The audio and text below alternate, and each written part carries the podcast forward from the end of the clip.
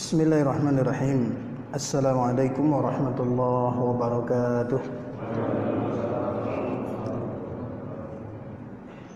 الحمد لله رب العالمين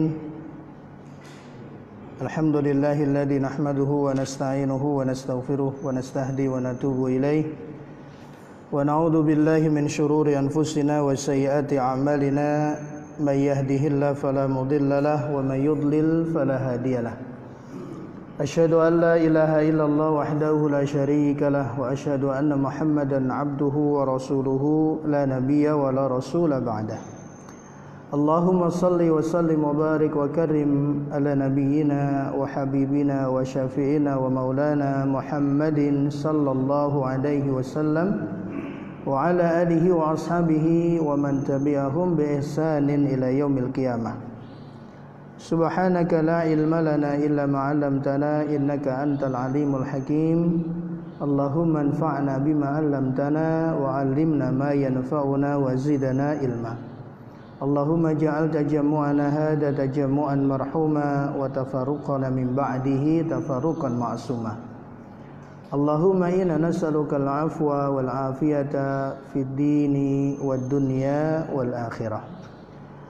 Bapak Ibu kaum muslimin jamaah Masjid Al-Ittihad yang semoga Allah Subhanahu wa taala senantiasa melimpahkan rahmat keberkahannya, hidayah taufiknya, pertolongan serta lindungannya kepada kita semuanya. Alhamdulillahirabbil alamin. Mari bersama di kesempatan yang mulia ini di subuh yang semoga penuh keberkahan dari Allah Subhanahu wa taala di waktu yang sangat istimewa, waktu yang sangat mahal waktu di mana rukuk sujud kita Allah Subhanahu wa taala menghitungnya seperti kita ibadah satu malam penuh. Dan waktu di mana Allah Subhanahu wa taala akan menyelamatkan kita dari kenifakan. Alhamdulillah kita bersyukur kepada Allah kesempatan ini masih Allah hadirkan dan semoga hadirnya kita pun semata-mata karena Allah Subhanahu wa taala. Alhamdulillah Allah Subhanahu wa taala masih karuniakan kepada kita keimanan, keislaman, kesehatan, keafiahan. Semoga nikmat-nikmat yang Allah Subhanahu wa taala hadirkan terus kita bisa mengiringinya dengan syukur kita kepada Allah. Dengan harapan dengan syukur itu nikmat-nikmat ini terjaga dalam kebaikan bisa menjadi sarana dalam ketaatan dan Allah Subhanahu wa taala limpahkan keberkahan keberkahan di dalamnya. Alhamdulillah pagi hari ini dengan izin Allah Subhanahu wa taala kembali kita bisa hadir di rumah Allah semata karena Allah untuk kembali melanjutkan majelis ilmu kita dan alhamdulillah uh, Allah Subhanahu wa taala berikan kemudahan dan semoga hadirnya kita yang kita niatkan karena Allah Subhanahu wa taala mengantarkan kita memperoleh semua keutamaan, semua kemuliaan yang Allah dan Rasulnya janjikan bagi mereka yang hadir dalam dalam majelis ilmu. Di antaranya Rasulullah Sallallahu Alaihi Wasallam menyampaikan dalam satu hadisnya, "Man ghada ilal masjid aw a'adallahu lahu fil jannati nuzulan kullama ghada aw raha. Ini salah satu kenikmatan, salah satu keutamaan, salah satu kemuliaan mereka yang hadir dalam majelis ilmu. Man ghada ilal masjid siapa yang di pagi hari dia menuju masjid aw raha ataukah di sore hari. Dan alhamdulillah talim di Masjid Al-Ittihad ini pagi sama sama sore, subuh sama maghrib. Man ghada ilal masjid, siapa yang uh, pergi di waktu pagi ke masjid, auraha ataukah di sore hari, karena Allah Subhanahu wa taala a'addallahu fil jannati nuzulan. Allah Subhanahu wa taala sediakan untuknya di sorga satu tempat nanti. Setiap kali dia pagi hari ke masjid, setiap hari, setiap sore hari dia ke masjid. Atau dalam hadis yang lain, siapa yang di pagi hari atau sore hari dia menuju ke masjid tiada niatan kecuali ingin menyampaikan ilmu atau mempelajarinya. Maka Allah Subhanahu wa taala sediakan tempatnya nanti di di surga. Ini yang dimuliakan Allah. Jangan sampai kesempatan-kesempatan yang mulia sedemikian kita lewatkan dalam kehidupan kita. Karena memang orang-orang beriman tidak ada harapan yang diharapkan selain dia membangun kebaikannya di dunia, ujungnya dia ingin memperoleh kebaikan. Puncak dari semua kebaikan yaitu mendapatkan surga Allah Subhanahu wa taala. Dan semoga hadirnya kita, istiqomahnya kita di dalam kebaikan termasuk di dalamnya dalam majelis ilmu menjadi jalan yang kelak memudahkan langkah kita menuju surga Allah Subhanahu wa taala. Nah, Bapak Ibu Saudaraku yang dimuliakan Allah Subhanahu wa taala, pagi hari ini insya Allah kita akan melanjutkan kembali pembahasan kita dalam kitab Bulughul Maram yaitu Hadisul Ahkam yaitu hadis-hadis sebenarnya Bulughul Maram ini disebutnya juga kitab hadis tapi kitab hadis yang tema utamanya itu membahas tentang masailu al-fiqhiyah membahas tentang masalah-masalah fikih dan dalam hidup ini kita tidak bisa lepas dari fikih karena fikih itu secara makna lugawian adalah al-fahmu memahami dan dalam kita beribadah kepada Allah Subhanahu wa taala tidak bisa lepas dari yang namanya pemahaman. Dan sampai uh, salat tapi tidak bermakna salat, puasa tapi tidak bermakna puasa, melakukan amal-amal ibadah tapi kosong dari nilai ibadah. Kenapa? Karena tidak dilandasi dengan pemahaman. Maka ini penting. Dan ilmu ini tidak tidak ada kaitannya dengan dengan gelar atau titel yang dimiliki seseorang. Ilmu itu bukan dia gelar LC, dia gelar SPD, dia gelar MA, dia gelar dokter nggak ada kaitannya. Tapi ilmu adalah ma ya'lam wa yu'mal. Apa yang dia tahu lalu dia amalkan. Itu ilmu. Bisa jadi ada seseorang yang dia di bukan nggak punya gelar pendidikan tinggi tapi saat tiba masa waktu sholat dia azan kemudian menunggu sejenak dia komat kemudian jadi imam makmumnya juga juga dia gitu kan semuanya azannya dia ikomatnya dia imamnya dia sendirian tentu ini lebih mulia tidak mau dibanding misalnya ada yang bertitel doktor gitu tapi hanya sekedar ngerti tidak di diamalkan. Maka Bapak Ibu saudaraku yang dimuliakan Allah Subhanahu wa taala. Maka penting memahami fikih ini dan fikih ini cakupannya luas. Masalah fikih Dan ini adalah wasilah satu jalan bagi kita untuk mengamalkan apa-apa yang diperintahkan Allah Subhanahu wa taala menjauhi apa-apa yang dilarang oleh Allah. Maka di dalam kita mengamalkan beribadah kepada Allah tidak bisa lepas dari yang namanya fikih. Nah, bulughul maram ini adalah walaupun disebut kitab hadis tapi hadis-hadis yang ada di dalamnya semuanya berkaitan dengan al-ahadis al-ahkam, hadisul ahkam yaitu hadis-hadis yang berkaitan dengan hukum. Maka di dalamnya penjelasan-penjelasan yang disampaikan para ulama tidak lepas dari beragam akwal, beragam pendapat-pendapat para ulama di dalam mereka memahami hadis-hadis Nabi Shallallahu Alaihi Wasallam. Karena kita butuh, kita nggak mungkin bisa langsung menggali dari hadis Nabi Shallallahu Alaihi Wasallam. Kita talaki, kita memahami sebagaimana dulu ulama-ulama memahami dari Rasulullah Shallallahu Alaihi Wasallam. Para sahabat memahami bagaimana hadis itu dijelas, dijelaskan oleh Nabi Shallallahu Alaihi Wasallam. Kemudian generasi setelah sahabat, generasi tabiin, mereka belajar dari sahabat. Sahabat menyampaikan penjelasan tentang makna dan maksud hadis Nabi Shallallahu Alaihi Wasallam kepada kaum muslimin setelahnya yang dikenal dengan tabiin. Gitu. Makanya sahabat-sahabat Nabi itu walaupun mereka sebagian besar tinggal di Mekah dan Madinah, tapi mereka menyebar diutus oleh Nabi. Dari awal sudah diutus Nabi untuk menyampaikan. Ada yang ke Yaman, ada yang ke Syam, ada yang ke uh, Kufah, ada yang ke Basrah. Semua menyebar.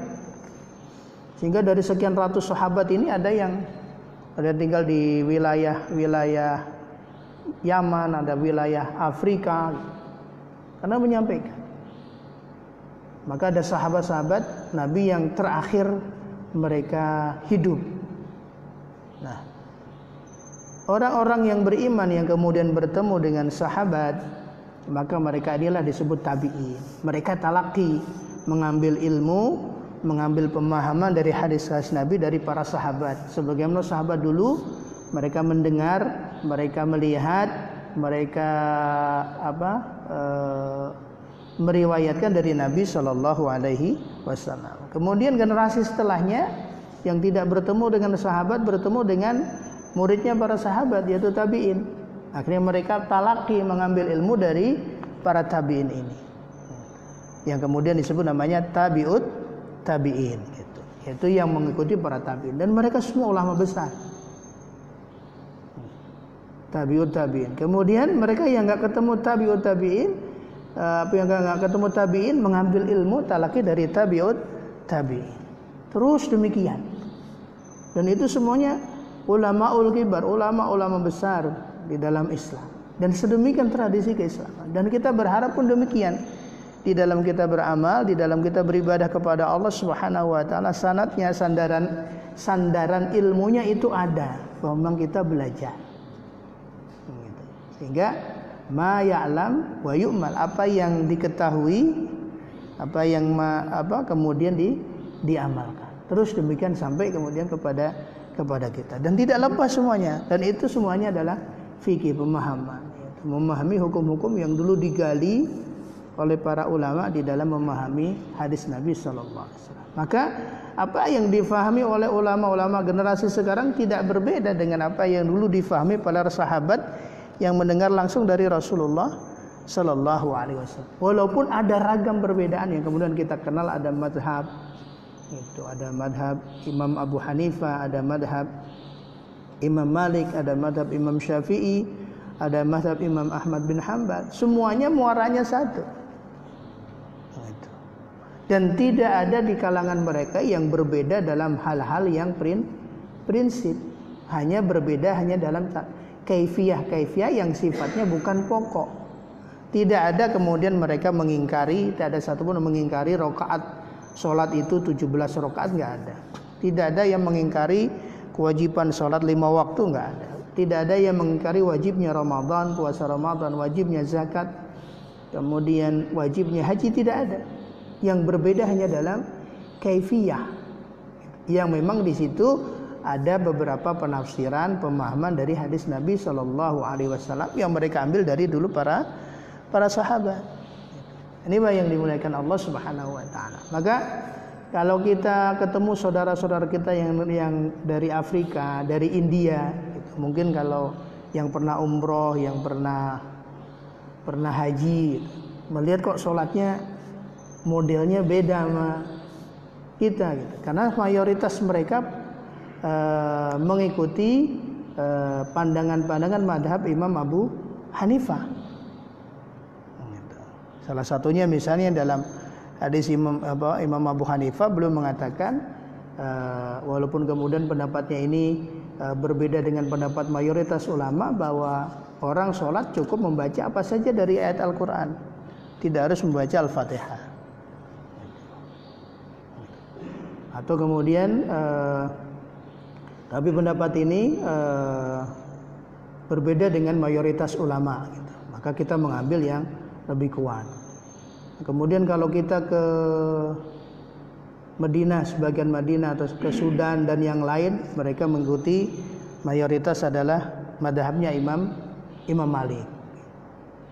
Kemudian uh, Mesir, Asia termasuk Indonesia mayoritas madhab Imam Syafi'i. Dan demikian.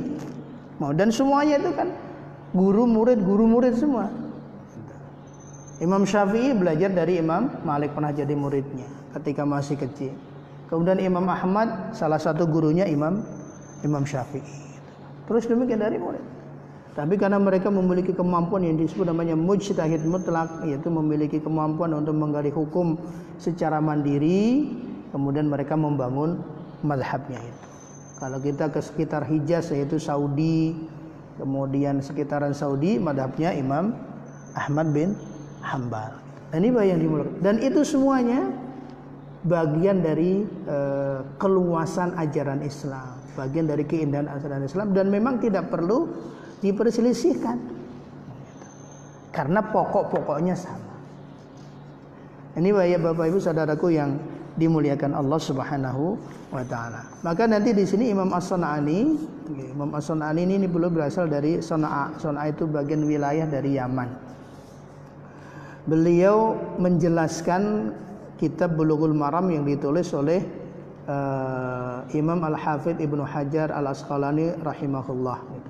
Jadi Imam Ibnu Hajar ini secara madhab fikihnya beliau mengikuti madhab Imam Syafi'i. Secara madhab fikihnya. Dan beliau ulama faqih wal hadis. Beliau adalah ulama yang sangat mumpuni dalam bidang hadis dan sangat mumpuni dalam bidang fikih maka salah satu uh, apa uh, namanya yang beliau mensyarah sarah sarah muslim. Yang ditulis oleh Imam uh, apa uh, Al Hafidh Ibnu Hajar Fathul Bari. Puluhan jilid beliau tulis. Dan kita sebagai orang-orang yang mencintai ulama orang-orang yang menteladani ulama menghargai semua gitu di tengah semua keterbatasan yang ada bisa melahirkan sekian banyak karya ketika semuanya dalam keterbatasan. Sarana tulis menulis belum secanggih sekarang tapi sedemikian mereka memiliki karya. Dan ini e, mencintai mereka kemudian mempelajari apa yang menjadi peninggalan mereka adalah bagian kita. Semoga bisa mengambil kebaikan keberkahan dari para para alim para ulama kita. Nah, kemudian kita beliau ini bulughul maram karena hanya matannya saja, hanya hadis-hadis hukum yang berkaitan dengan fikih saja yang beliau jelaskan, maka kitab Bulughul Maram ini banyak disyarah, banyak dijelaskan oleh para ulama-ulama setelahnya. Salah satunya yang mensyarah ini adalah Imam As-Sun'ani dari Sun'a yang kemudian syarahnya disebut namanya Subulus Salam. Itu penjelasannya. Ini uh, Bapak Ibu saudaraku yang dimuliakan Allah Subhanahu wa taala. Nah kemarin pengantarnya kita sudah bahas tentang biografi Imam Al-Hafidh Ibnu Hajar Al-Asqalani rahimahullah juga biografi dari Imam As-San'ani yang mensyarah salah satu yang mensyarah uh, kitab Bulughul Maram. Nah, di mukadimahnya uh, Imam Al-Hafidh Ibnu Hajar rahimahullah belum mengawali dengan memuji kepada Allah Subhanahu wa taala. Alhamdulillahi ala ni'amihi al-zahirah wal wal batinah. Wassalatu wassalamu ala nabiyhi wa rasulihi Muhammad sallallahu alaihi wasallam wa alihi alladhi wa sahbihi alladhina saru fi nusrati dinihi sayran hasisan fi suhbatihi wa ala azba'ihim alladhina warasu ilmuhum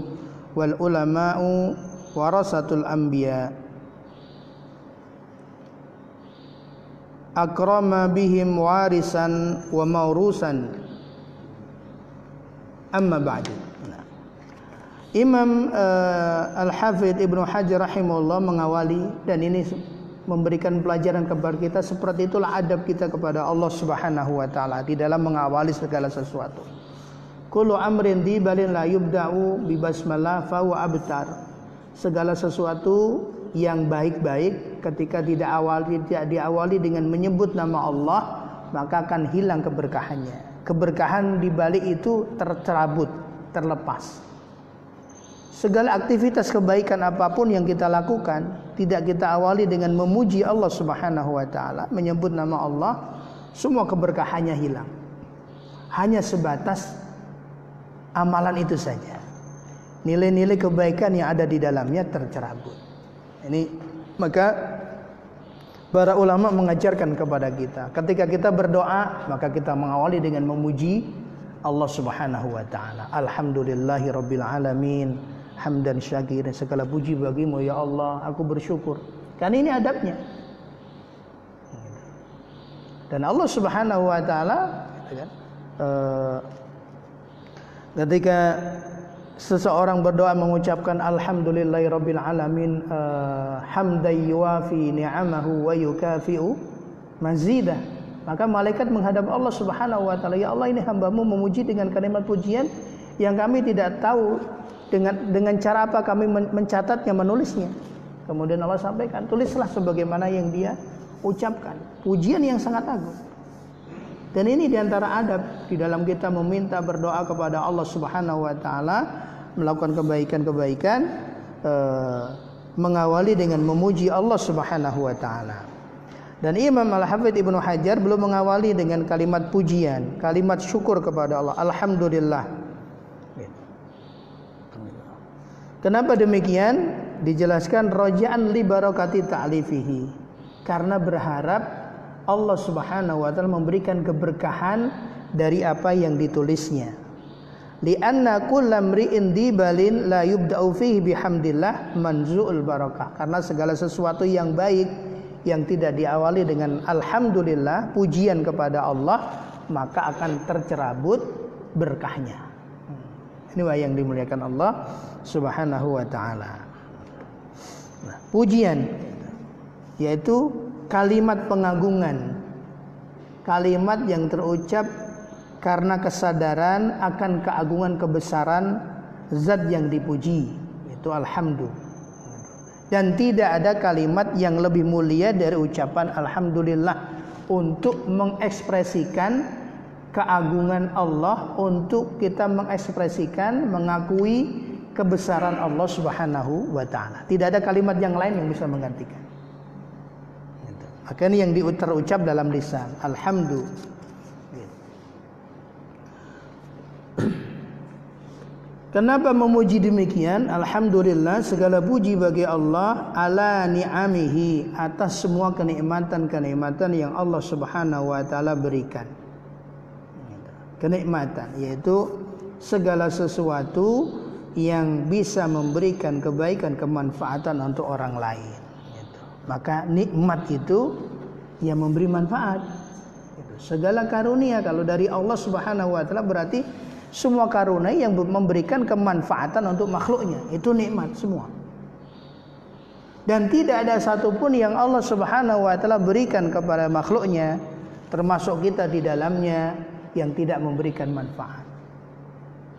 Maka dalam surat uh, Ali Imran inna fi khalqis samawati wal ard wa ikhtilafil laili wan nahar la ayat li ulil albab. Alladzina yadhkuruna Allah qiyaman wa qu'udan wa 'ala junubihim wa yatafakkaruna fi khalqis samawati wal ard rabbana ma khalaqta hada batil. Enggak ada satupun yang batil yang sia-sia enggak ada dalam hidup ini. Yang Allah hadirkan. Subhanaka ma suci engkau ya Allah rabbana Ya Rob kami ma khalaqta hada batila enggak ada satupun yang kau ciptakan yang kau hadirkan dalam hidup ini yang sia-sia Maha suci engkau. Karena Allah Subhanahu wa taala muttasifun bi sifatil kamal. Allah bersifat dengan kesempurnaan. Gitu. Gitu. Bersih suci dari segala kekurangan. Maka apa pun yang Allah hadirkan itu nikmat. Termasuk musibah.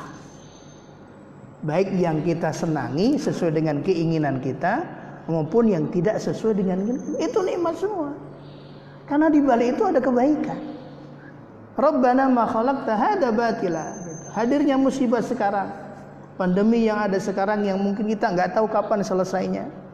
Itu orang memprediksi sekarang puncaknya 20, ada yang memprediksi 2001 nanti baru puncaknya wallah Tapi kita sebagai orang beriman apa?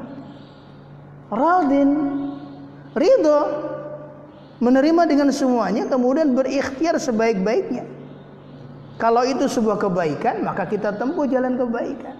Kalau itu sebuah kebaikan yang harus kita menghindarinya, dengan menghindarinya ada kebaikan, kita menghindarinya.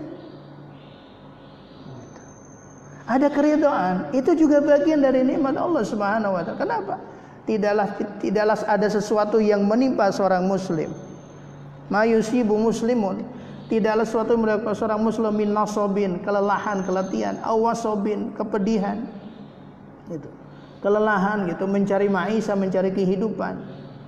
Gitu kelelahan, keletihan gitu kan. Kemudian semuanya karena memikirkan keluarga, memikirkan anak semuanya. Gitu. Atau dia tertusuk duri atau ada duri yang menusuk tangannya atau kakinya. Kemudian dia bersabar. Allah Subhanahu wa taala menjadikan dengannya sebab Allah dengan sebab itu Allah mengampuni dosa dosa-dosanya. Kita menghadapi pandemi seperti ini dan semuanya terdampak tapi dia sabar, dia ridho, paham. Maka tidak sedikit yang kemudian apa uh, terdampak baik secara ekonomi dan semuanya. Ya memang jalannya sudah demikian. Alhamdulillah ala ni'amihi dengan semua kenikmatan yang Allah Subhanahu wa taala berikan dan tidak ada yang sia-sia. Tidak ada yang tidak memberikan keman kemanfaatan. Kenikmatan Allah apa? Al-zahiratu wal batinah baik nikmat Allah Subhanahu wa taala yang terlihat ataukah nikmat Allah Subhanahu wa taala yang tersembunyi. Nah, hal ini diambil oleh Imam Al-Hafidz Ibnu Hajar rahimahullah dari ayat Allah Subhanahu wa taala dalam surat Luqman ayat yang ke-20. wa asbagha alaikum ni'amahu dhahiratan wa batinah dan Allah Subhanahu wa taala telah menyempurnakan untuk kalian nikmat-nikmatnya baik yang dohir yang terlihat ataukah nikmatnya yang batin maka dari sahabat atau eh, dari uh, Imam Atta rahimahullah dia berkata Sa'altu Ibnu Abbas radhiyallahu anhu. Aku bertanya kepada sahabat Abdullah Ibnu Abbas semoga Allah meridhai keduanya tentang firman Allah wa asbagha alaikum ni'amahu dhahiratan wa batinah. Apa yang dimaksud dengan ayat Allah ini dan Allah menyempurnakan untuk kalian nikmatnya baik yang dohir ataukah yang yang batin. Maka sahabat Ibnu Abbas radhiyallahu berkata, "Hada min kunuzi kunuzin ilmiyin." Ini adalah gudangnya ilmu. Sa'altu Rasulullah sallallahu alaihi wasallam. Aku bertanya kepada Rasulullah tentang ayat ini.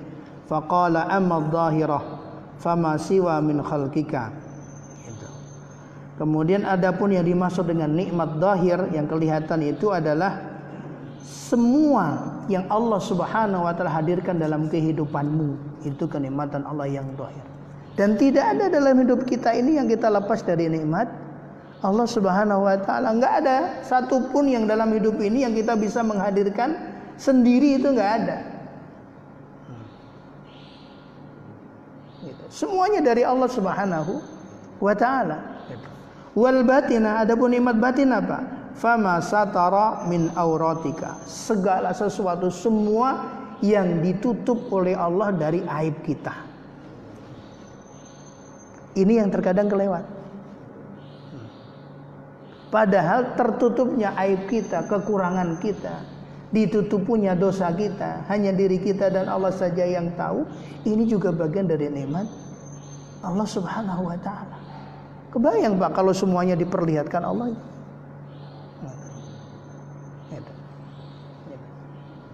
Allah Subhanahu wa taala memberikan itu. Walau abdaha laqala ka ahlaka faman siwahum. Kalau seandainya aib-aib kekurangan itu diperlihatkan oleh Allah Subhanahu wa taala, maka semuanya akan lari dari dari kita. Keluarga kita akan meninggalkan kita, nggak ada lagi orang yang percaya sama kita. Maka ini yang dimaksud dengan nikmat batin. Yang sering orang lupa. Ketika tidak dikasih nikmat dohir seakan-akan dia paling sengsara gitu nggak dapat kenikmatan padahal ada kenikmatan yang lain yang masih diberikan oleh Allah yaitu apa ditutupinya masih ditutupinya tidak dipublish keburukannya tidak dipublish aibnya tidak dipublish kesalahannya oleh Allah Subhanahu wa taala masih Allah tutupi.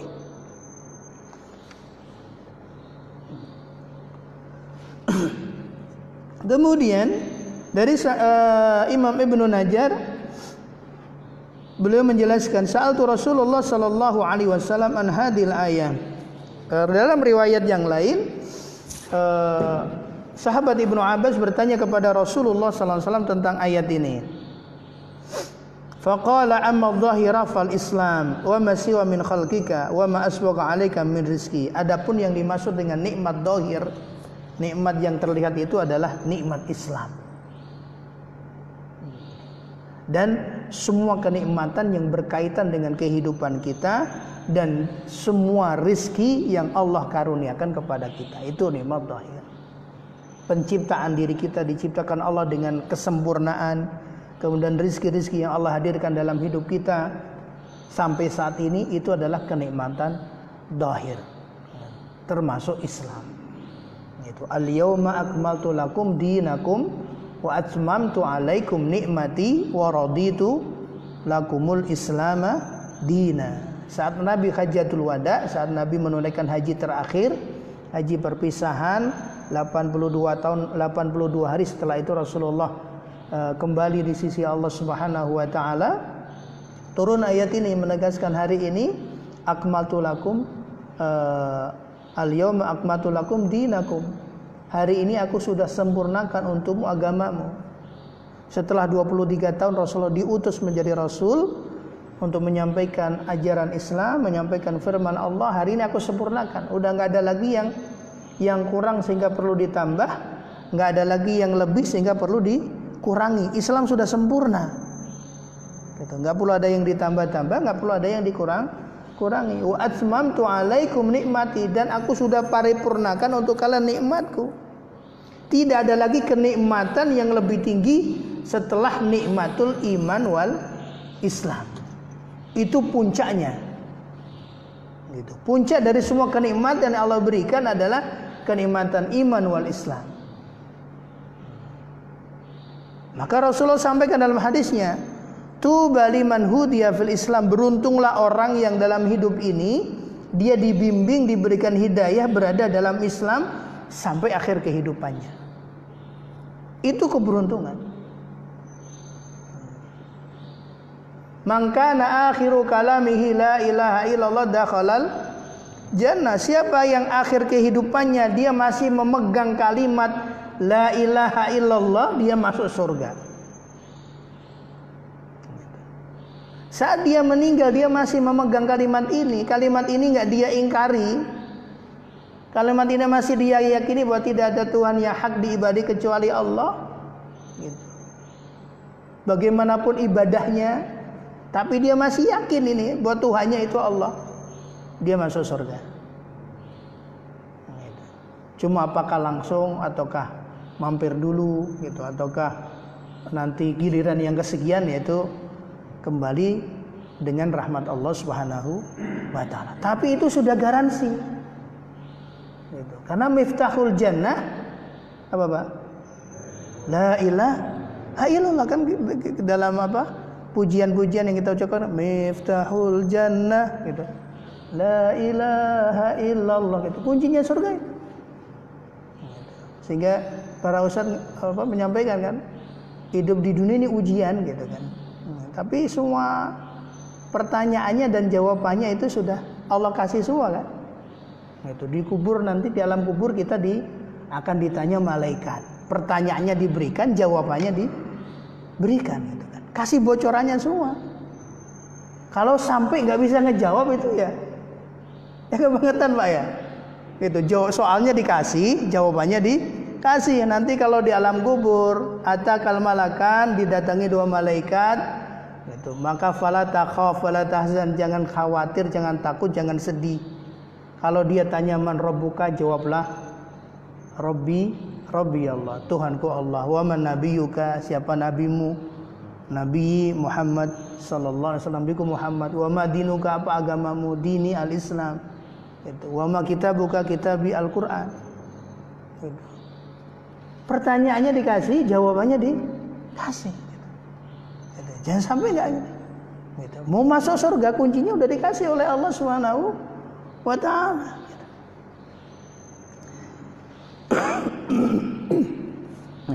Bapak Ibu Saudaraku yang dimuliakan Allah Subhanahu wa taala. Nah, kalau sebutkan amma nikmat yang dohiri yaitu nikmatul iman wal Islam. Nikmat yang paling besar. Gitu. Jangan sampai lepas dari diri kita. Walaupun kita belum bisa ibadah sebaik-baiknya, tapi jangan sampai nikmat iman Islam ini kita abaikan. Karena nggak banyak, karena uh, masih banyak yang belum uh, Allah Subhanahu wa taala karuniakan nikmat ini. Masih banyak yang diberikan karunia menolak nikmat iman Islam. Kalau penduduk dunia ini 7 miliar ya. Ya sekarang secara sensus katanya yang muslim itu baru 1,6. 1,6 miliar gitu yang Islam, yang muslim. Itu berarti sisanya masih belum mendapatkan kenikmatan ini. Maka kita bersyukur kepada Allah Subhanahu wa taala amma zahirah wa ammal batinah fama satara min amalika adapun nikmat batin yang Allah berikan yaitu semua yang ditutupi oleh Allah dari perilaku-perilaku kita yang masih ditutupi Allah. Sehingga kalau itu dibuka gitu udah kita nggak punya muka di depan makhluk yang tapi Allah tutupi. Itu rahmat Allah Subhanahu wa taala demikian maka Nabi Shallallahu Alaihi Wasallam menyampaikan dalam hadisnya, "Kulu ummati mu'afa, semua umatku itu termaafkan." Allah aja memaafkan sebesar apa pun dosa kesalahan hambanya.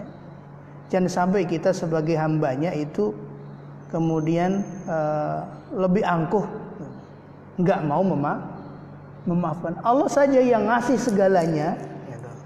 Kemudian hambanya ingkar, di suatu waktu mau balik Allah maafkan semuanya. Kulu ummati mu'afa. Semua umatku itu termaafkan kesalahannya. Seberapapun besarnya. Seberapapun kelalaiannya.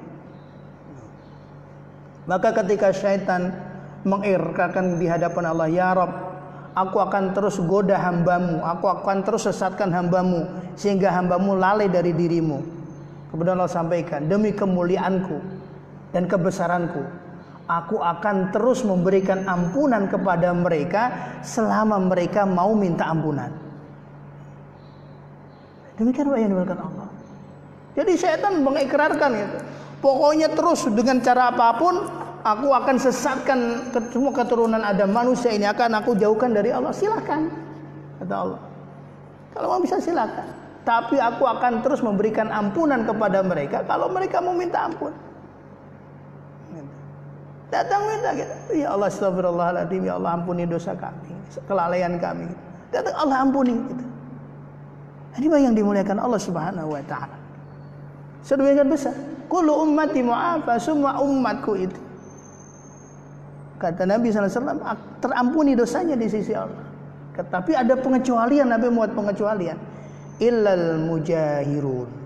Kecuali mujahirun Sahabat bertanya, "Ya Rasulullah, wa mal mujahirun?" Apa itu yang dimaksud dengan mujahirun? Yaitu seseorang yang melakukan dosa di malam hari, kemudian dia masuk waktu pagi, dosanya ditutupi oleh Allah Subhanahu wa taala, kesalahannya ditutupi Allah, tapi dia publish, dia ceritakan kepada yang lain. Padahal di malam itu sudah ditutupi Allah, nggak ada yang tahu. Tapi dia ceritakan, dia umbar, karena sekarang kan tidak sedikit pak ya. Gitu. Dosa didokumentasikan ini. Gitu. Dosa dibuat file gitu ya. Dibuatin folder gitu kalau di di laptop itu dosa dibuatin folder gitu. gitu. Dibuat dokumen, dibuat kenangan. Gitu. Apalagi foldernya di dunia maya ya nggak bisa dihapus. Kemudian dosa itu dilihat, dilihat, dilihat. Naudzubillah min zalik. Maka kenikmatan dari Allah ketika Allah tutup itu. Maka di hadis yang lain Nabi sampaikan, eh, Kullu ummati tadkhulul jannah illa man aba. Semua umatku masuk surga. Nabi sampaikan demikian. Umatku semuanya akan masuk surga. Nabi nggak pernah memfonis umatnya itu masuk neraka itu. Makanya ini yang kita perlu hati-hati mensikapi jangan sampai yang beda dikit sama kita kemudian ya neraka gitu. Nabi aja nggak pernah. Kalau umat itu jannah, umatku semua Nabi menginginkan semua umatnya masuk surga. Dan karena berbeda sedikit kemudian mudah untuk memberikan vonis gitu. Yang gini, buat apa masih kayak gitu? Buat apa sholat kalau masih kayak gini? Alhamdulillah masih ingat. Sholat semua berproses. Kecuali yang nggak mau. Sahabat bertanya, ya Rasulullah, memang ada yang nggak mau masuk surga? Kata Nabi, Nabi nggak menjawab ada. Man ani dakhalal jannah wa man asani faqad aba. Nabi menjawabnya dengan kalimat dengan ungkapan siapa yang patuh kepadaku, beriman kepadaku, mencintaiku, mengikuti perintahku, dia masuk surga. Siapa yang durhaka kepadaku, itulah yang tidak ingin masuk surga. Fakot aba itu yang enggan, yang nolak masuk surga. Nabi nggak mengatakan waman asoni dakholan nar. Siapa yang durhaka kepadaku masuk neraka. Tapi bahasanya fakot aba. Lembut luar biasa. Yang durhaka kepadaku, yang membangkang kepada membangkang kepadaku, itulah yang enggan masuk surga. Walaupun ujungnya misalnya nggak masuk surga berarti masuk ke mana, Pak?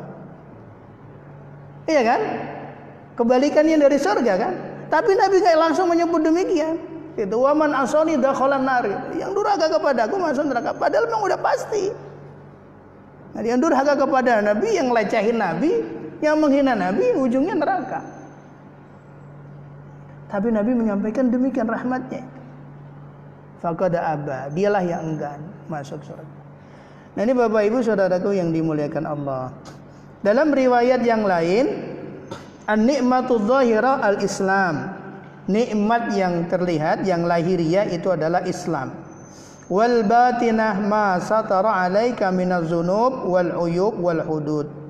Sedang nikmat batin itu semua yang ditutupi dari dirimu dari beragam dosa kesalahan aib-aib dan semuanya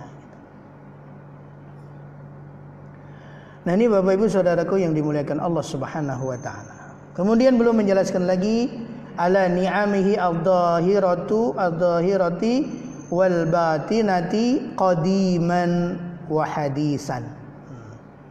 Baik kenikmatan-kenikmatan terdahulu maupun kenikmatan-kenikmatan yang akan datang, yang sekarang. Kenikmatan yang terdahulu itu apa? Kemudian dijelaskan wal qadimu ala abdihi min hina nafkhir ruhi fihi summa fi kulli anin min anati zamanihi yaitu semua kenikmatan Allah baik yang lahir yang kelihatan maupun yang tidak terlihat yang tersembunyi yang terdahulu maupun yang sekarang. Yang terdahulu apa? Yaitu saat pertama kali dulu ditiupkan roh kepada kita. Ketika 120 hari kita di perut ibu kita. Sampai bersyukurnya sedemikian. Alhamdulillahi ala ni'amihi al-zahirati wal badinati qadiman qadiman wa hadisan. Kenikmatan dulu ketika Allah kemudian takdirkan kita menjadi bagian dari yang diberikan kehidupan oleh Allah di di dunia. Saat 120 hari kita di perut ibu kita kemudian ditiupkan ruh, diperintahkan malaikat untuk kemudian menetapkan kepadanya empat ketetapan. Rizkinya, ajalnya, bahagia, sengsaranya. Sudah ditetapkan takdirnya, ketetapan takdirnya. Kemudian juga kenikmatan setelah itu sampai saat ini. Zamanan qadiman wa zamanan hadisan. Dan itu semuanya adalah tidak lepas dari nikmat dan karunia dari Allah Subhanahu wa taala. Makna yang lain apa yang dimaksud dengan nikmat qadimah, nikmat terdahulu adalah an-ni'amu allati an'ama biha 'alal aba. Semua kenikmatan yang Allah Subhanahu wa taala telah karuniakan kepada bapak nenek moyang kita. Sampai kemudian kita hadir. Maka Nabiullah Sulaiman alaihissalam ketika dihadirkan kenikmatan oleh Allah Subhanahu wa taala memperoleh apa yang belum pernah diperoleh oleh hamba Allah yang lain. Maka terucaplah doanya, Rabbi auzi'ni an ashkura ni'matakal lati an'amta alayya wa ala walidayya wa an a'mala salihan tardahu adkhilni bi rahmatika fi ibadikas fi ibadikas salihin. Ya Allah mampukan diri ini untuk senantiasa bisa bersyukur atas kenikmatan-kenikmatan yang kau hadirkan kepada diri ini ya Allah. Mampukan bisa bersyukur lisanan itu baik secara lisan, kalban, secara hati ataupun secara amalan. Mampukan ya Allah untuk bisa bersyukur. Karena yang memberikan kemampuan orang bisa bersyukur itu Allah. Banyak orang lihat dia tidak bisa mengupayakan itu tapi lisannya untuk mengakui itu dari Allah nggak banyak yang mau. Walaupun kelihatan dia yakin gitu bahwa ini semuanya dia peroleh tidak dari kemampuan dirinya. Tapi untuk bersyukur mengakui itu dari Allah kemudian lisannya memuji Allah kemudian perilakunya tunduk kepada Allah itu nggak banyak. Orang yang dekat dengan Nabi Musa saat fakirnya begitu taatnya menjadi pengikut Nabi Musa yang setia kemudian Nabi Musa mendoakan karena kesusahan hidupnya didoakan semoga Allah berikan kecukupan dia punya keahlian untuk menyepuk emas me, apa membuat perhiasan dan yang lain akhirnya kehidupannya berubah berubah berubah sampai kemudian kekayaan keberlimpahan hidup Allah karuniakan kepadanya saat Nabi Musa datang apa siapa namanya Pak Oh, korun.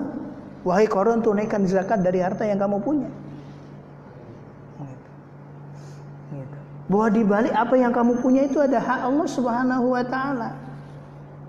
Gitu. Apa jawaban korun? Gitu. Ini semuanya aku peroleh karena ilmu ilmuku. Lupa dia. Gitu. Padahal sebegitu jelasnya gamblangnya Allah perlihatkan, nggak mungkin lah wong dia dulu dia nggak punya apa-apa kok. Gitu.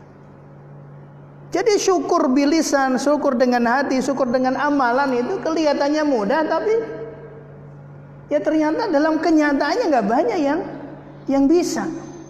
Maka selevel Nabiullah Sulaiman alaihissalam pun masih minta kepada Allah ketika dihadirkan semuanya. Saat, saat melihat semua kenikmatan yang dihadirkan ketika hadirnya singgah sana Balkis di depannya gitu. Kemudian mengatakan hada min fadli Rabbi ini semuanya karunia dari Tuhanku. Rabbi auzi ini an ashkura ni'mataka. Ya Allah mampukan diri ini untuk senantiasa bisa bersyukur terhadap semua kenikmatanmu. Yang engkau nikmatkan karuniakan kepada diri ini dan juga kenikmatan-kenikmatan yang kau karuniakan kepada orang tua orang tua kami. Karena nikmat yang hadir kepada kita saat ini pun nggak bisa lepas dari kenikmatan mereka. Syukur kita tidak hanya yang kita rasakan dari kenikmatan, tapi juga kenikmatan yang Allah hadirkan kepada orang tua kita. Sehingga ada seorang seorang ustadz bercerita, ada seorang profesor saat ngaji nangis gitu. Kenapa Prof nangis? Alhamdulillah saya bersyukur Pak Ustaz. Orang tua saya gitu, hanya seorang petani. Gitu, bisa membimbing mendidik saya sampai profesor.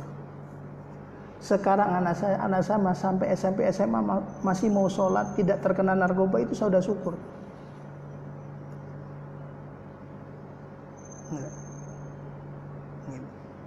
Mereka nggak kena narkoba, mereka nggak kena pergaulan bebas.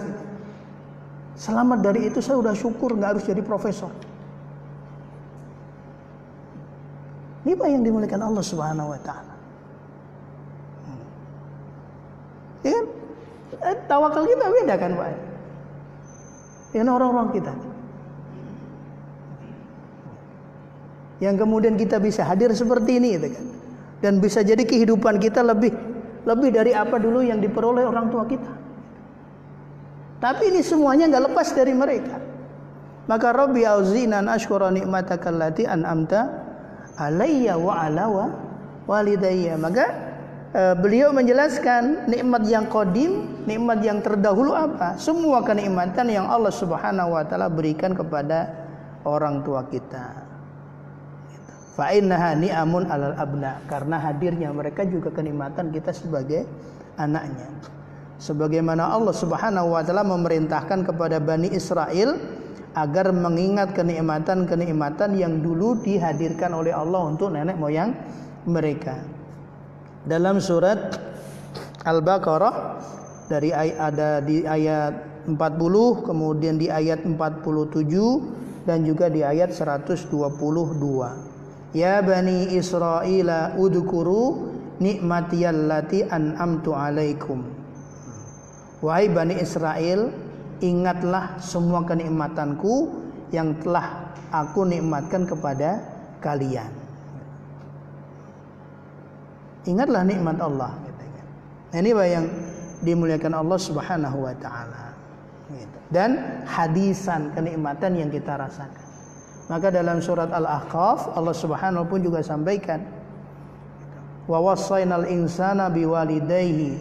Allah wasiatkan Allah perintahkan kepada seseorang kepada tiap orang untuk berlaku baik kepada kedua orang tuanya. Hamalathu ummuhu. Itu yang mana ibunya sudah mengandungnya dengan susah payah. Wa fisaluhu fi amain. Gitu. dan kemudian menyapihnya di usia dua tahun Kemudian hatta idza balagha asyuddahu sehingga kemudian aku tumbuhkan dia sampai pada usia kematangannya idza balagha asyuddahu wa balagha arba'ina sanah sampai dia mencapai usia 40 tahun. Maka orang-orang mukmin hamba Allah yang tersadar dengan nikmatnya Allah, besarnya nikmat Allah begitu masuk usia 40 tahun dia berdoa terucap dari lisannya dilandasi dengan kesadaran hatinya kemudian diikuti dengan ketundukan perilakunya. Robbi auzi'ni an ashkura ni'mataka allati an'amta alayya wa ala walidayya wa an a'mala salihan tardah wa aslih li fi durriyati inni tubtu ilaika wa inni minal muslimin redaksinya berbeda dengan doa Nabiullah Sulaiman. Walaupun ada kesamaan di awalnya, tapi di belakangnya berbeda. Ini doa untuk hamba-hamba Allah yang Allah karuniakan masuk 40 tahun usianya. Kemudian menyadari bahwa semua kenikmatan yang 40 tahun ke belakang itu adalah dari Allah Subhanahu wa taala. Untuk apa dia mengucapkan doa ini? Untuk mempersiapkan setelah 40 tahun, Rabbi auzini, ya Allah mampukan diri ini untuk bersyukur terhadap kenikmatan-kenikmatan yang kau karuniakan kepadaku dan kepada kedua orang tuaku. Wa an a'mala salihan taradah dan mampukan diri ini melakukan amal soleh yang kau ridhoi. Amal soleh yang sawaban wasihatan, amal soleh yang benar dan juga sah. Wa amal salihan taradah wa aslih li fi duriyati Ya Allah solehkan, Ya Allah baguskan untukku dari keturunan keturunan. Ya Allah kalau sampai usia ini kau masih kau berikan ketaatan ya Allah. Sudah 40 tahun sebentar lagi usia ini akan pupus ya Allah. Tapi jangan sampai pupus sujudku, jangan sampai pupus rukukku, jangan sampai pupus sedekahku. Maka orang-orang mukmin minta demikian. Ketika Allah berikan 40 tahun berarti sudah 2 per 3 usia yang Allah berikan karena umumnya umat Nabi Muhammad itu Akmaru ummati bena sitin wa sabain. Umur umatku itu rentangnya antara 60 sampai 70 70. Masuk 40 tahun, tinggal 20 tahun. Sisa 20 tahun ini ya Allah jangan sampai lepas dari taat. Perpanjangkan lagi ya Allah, jangan sampai lalai. Saat ini sampai pupus usia. Tapi saat pupus usia ya Allah wa aslih li fi durriyati. Sujud yang aku lakukan jangan putus ya Allah. Sedekah yang aku berikan jangan putus ya Allah. Langkahku ke masjid jangan putus ya Allah. Caranya bagaimana? Disambung dilanjutkan oleh anak keturunan. Wa aslih li fi salehkan anak keturunan. Nyambung lagi. Kita udah nggak bisa baca Quran karena sudah pupus usia kita, tapi suara Al-Quran masih terlantunkan. Pahalanya masih ngalir ke kita. Tangan kita sudah nggak bisa memberikan sedekah, tapi sedekah masih mengalir dalam kehidupan kita. Maka seorang sahabat bertanya, ketika mendapatkan kabar ibunya wafat, dan kemudian dia nggak sempat bertemu ibunya, dia datang kepada Rasulullah Sallallahu Alaihi Wasallam, ya Rasulullah, saat ibuku wafat aku nggak sempat ketemu. Masih adakah kebaikan yang aku bisa sambung untuk ibuku? Kemudian Nabi mengatakan tasaddaq. Bersedekahlah. Maka sodakoh anak itu termasuk amal soleh yang pahalanya akan nyambung ke orang tuanya. Bersedekahlah. Kemudian dia mengatakan, ya Rasul aku punya kebun sekian. Di situ ada pohon korma sekian. Aku sedekahkan untuk ibuku. Aku sedekahkan untuk orang tuaku. 50 ribu di tangan kita. Kemudian kita ngelihat kota infak. Ada yang menyampaikan secara WA atau yang lain. Yang mau berinfak ini. Masjid butuh ini. Ya Allah aku niatkan untuk orang tuaku. Nggak dilarang. Boleh. Kita dapat pahala nggak Pak Ya dapat. Dinarun anfaktahu satu dinar yang kau infakkan di jalan Allah satu dinar yang kau infakkan untuk membebaskan budak, satu dinar yang kau infakkan untuk orang fakir miskin, dan satu dinar yang kau infakkan sedekahkan untuk keluargamu. Untuk memberikan kebutuhan mereka, makan minum mereka, biaya sekolah anak kita. Satu dinar itu. Mana yang paling besar pahalanya? A'dhamu wa ajran yang paling besar pahalanya yang kau sedekahkan buat keluargamu. Ini Bapak Ibu yang Ibu yang dimuliakan Allah Subhanahu wa taala. Kita berharap demikian. Ketika semua itu sudah dipupus oleh Allah Subhanahu wa taala, karena setelah 40 tahun kita nggak tahu apakah nyampe 60 ataukah nyampe 70 kita nggak tahu. Maka doa yang perlu kita perbanyak tadi, wa aslih li fi Kalau sampai suatu saat nanti ya Rabb, engkau pupus kehidupan ini, sujudku jangan berhenti, ruku ini jangan berhenti, tilawah Quran ini jangan berhenti, sedekah ini jangan jangan berhenti. Langkah ke masjid jangan berhenti.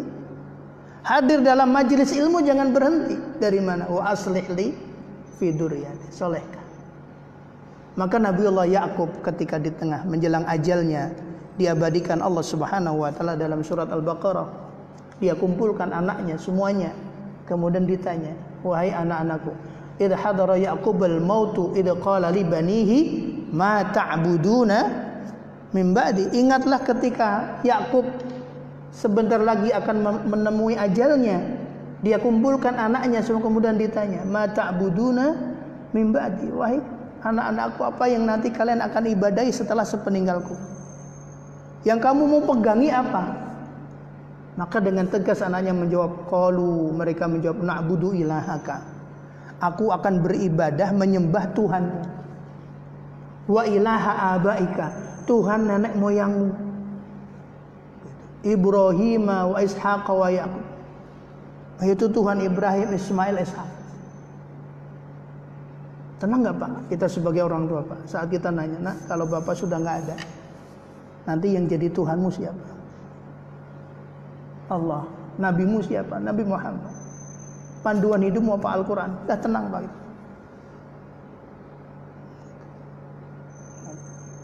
Maka sampaikan ke mereka. Jangan lupa sujud, jangan lupa ruku. Karena hanya itu kebaikan yang bisa kita harap. Kebaikan yang bisa kita harap. Mereka melanjutkan lagi. Masjid Al-Ittihad. Kita semuanya akan pupus usia kita. Ketika kita selama dalam hidup kita kita menjadi bagian yang memakmurkan masjid ini. Kemudian kita yakini kejaman dari usia kita ini terbatas. Ada batasnya. Apa yang kita harapkan? Agar masjid ini terus hidup. Bagian dari kebaikan kita terus berlanjut. Kita berharap generasi-generasi setelah kita yang akan melanjutkan melanjutkan itu, memakmurkan masjid ini menghidupkan semua kegiatan yang dulu kita hidupkan. Menghidupkan semua kebaikan, melanjutkan semua kebaikan yang dulu kita bangun. Maka perlu di, diberitahukan, perlu ditanya. Kalian nanti akan melanjutkan estafet kebaikan ini. Wa aslih li fi ini tubatu ilaika wa ini minal muslimin. Ya Allah aku bertobat kepadamu kembali dan aku masih termasuk hambamu yang muslim sampai 40 tahun ini ya Harapannya apa? Islam ini terus sampai nanti usia kita dipupus oleh Allah Subhanahu wa taala. Nah ini Bapak Ibu Saudaraku yang dirahmati Allah kemudian setelah memuji Allah beliau menyampaikan wassalatu wassalamu ala nabiyhi wa rasulihi salawat dan salam semoga terlimpahkan kepada nabinya dan rasulnya Muhammad sallallahu alaihi wasallam demikian adab yang diajarkan maka dalam kita doa jangan lepas dari membaca salat salawat dan kalau di hari Jumat dikir yang paling utama adalah membaca salawat kalau seandainya orang di hari Jumat dari malam Jumat sampai asarnya hari Jumat dia mencukupkan dikir dengan membaca salawat itu sudah cukup. Karena itu dikir paling mulia di hari itu. Man alaiya salatan sallallahu alaihi biha asyara. Siapa yang baca salawat kepadaku satu kali Allah akan berikan dia rahmat ampunan sebanyak sepuluh kali. Minimal Allahumma sholli ala sayyidina Muhammad. Lebih utama membaca salawat Ibrahim atau salawat munjiat Allahumma sholli salatan tunjina min jamil ahwali wal afan. Ini juga termasuk salawat yang dianjurkan. Wassalatu wassalamu ala nabiyhi wa rasulihi Muhammad sallallahu alaihi wasallam. Demikian pula untuk keluarganya wa alihi wa sahbihi dan sahabatnya alladzina saru fi nusrati dinihi di mana para sahabatnya inilah yang berjalan untuk membela agamanya yang mereka hidup bersama Nabi membela agamanya nusratu dinihi sayran hasisan fi suhbatihi yang hidup bersama Nabi sallallahu alaihi wasallam wa ala atba'ihim dan semua yang mengikuti mereka alladzina warasu ilmahum yang mana mereka mewarisi ilmu-ilmu para sahabat. Nah, ini Bapak, Ibu saudaraku yang dimuliakan Allah Subhanahu wa taala. Ini mukaddimah yang ditulis oleh Imam Hafidz Ibnu Hajar uh, sebelum nanti kita masuk di eh, bab-bab yang yang ada. Nah, semoga mukaddimah ini uh, memberikan pelajaran teladan untuk kita. Sedemikianlah adab yang kita dianjurkan untuk mengawali kebaikan, memuji Allah, kemudian bersyukur dengan kenikmatan Allah, membaca salawat untuk Nabi, untuk keluarganya, untuk para sahabat, dan untuk orang-orang yang setelahnya. Maka adabnya kita pun demikian. Gitu. Kalau berdoa kan uh, semuanya kita kita doakan. Ketika kita membaca salat kepada Nabi bukan kita mendoakan Nabi bukan. Gitu. Bukan kita mendoakan Nabi, Nabi sudah uh, diampuni dosa-dosanya. Tapi kita berharap barokah gitu kan. Kita berharap keberkahan dari Allah Subhanahu wa taala. Maka salawat kepada Nabi bukan memintakan ampunan tapi memintakan kedudukan kemuliaan di sisi Allah Subhanahu wa taala. Karena satu-satu salawat yang dibaca, yang kita baca itu akan disampaikan kepada Rasulullah mu'arradun ilayya akan disampaikan kepadaku. Jadi nggak akan keliru, Pak. Rasulullah tahu mana umatnya yang membaca salawat kepadanya. Sudah ada bagiannya masing-masing. Oh ini baca, ini baca. Sampai Nabi nanti menyampaikan gitu, bahwa uh, aku nanti akan mengenali umatku gitu, pada hari kiamat. Kemudian ya Rasulullah bagaimana kau mengenalinya? Gitu. Sedangkan umatmu kan banyak. Sedang semua berkumpul jadi satu. Kalau Nabi menyampaikan, apa pendapat kalian kalau ada kuda putih di tengahnya ada kuda hitam? Tidakkah kuda hitam itu akan terlihat? Seperti itulah nanti aku akan mengenali umatku. Di antara sebabnya adalah isbagul wudu. Mereka yang menyempurnakan wudunya, memanjangkan hurrahnya, memanjangkan cahaya basuhan wudunya. Jadi kalau basuh tangan sampai siku dia panjangkan, dia lebihkan. Itu nanti akan jadi cahaya yang dengan itu seseorang umat Nabi Muhammad akan di kenali. Saat membasuh kakinya walaupun batasan rukunnya itu sampai mata kaki dia panjangkan sampai betisnya gitu ya. itu akan menjadi cahaya nanti di hari di hari kiamat. Sebagaimana mereka yang melangkahkan melangkahkan kakinya di keremangan waktu subuh. Waktu subuh sekarang Pak walaupun kanan kiri kita banyak lampu masih ada terasa gelap nggak Pak? Masih gelap Pak ya? Walaupun kasih lampu seterang apa pun pasti bayangan gelap itu masih masih ada tetapi Nabi sampaikan basyir basyiril musyaina bin nuri tammati yaumal qiyamah. Berikan kabar gembira kepada mereka yang mau berjalan melangkahkan kakinya di keremangan waktu subuh di remang-remang itu nanti mereka akan dapat cahaya terang benerang di hari kiamat. Gitu. Kita di dunia yang gelapnya nggak seberapa udah kasih lampu masih ada gelapnya, apalagi nanti di akhirat. Allah katakan salah satu nanti yang dapat cahaya terang benerang itu mereka yang mau apa me, apa melepas selimutnya menggerakkan badannya kemudian melangkahkan kakinya di panggilan Allah Subhanahu wa taala di waktu subuh. Wallahu alam bisawab. Eh, Bapak Ibu yang dimuliakan Allah, sedemikian yang mungkin pagi hari ini kita bahas. Insya Allah kita untuk di pertemuan yang akan datang kita akan masuki bab pertama gitu. Nah, uh, beliau di dalam kitab Bulughul Maram ini memulai dengan namanya kitab gitu. Babnya disebut kitab yaitu Kitab Toharoh. Nah, di kitab Toharoh ini ada nanti bagian bab-babnya. Gitu. Dan ini sudah tradisi para ulama fikih ketika memulai pembahasan bab fikihnya selalu mengawali dengan Toharoh. Mengapa demikian? Insya Allah nanti kita akan lanjutkan di di kesempatan yang akan datang.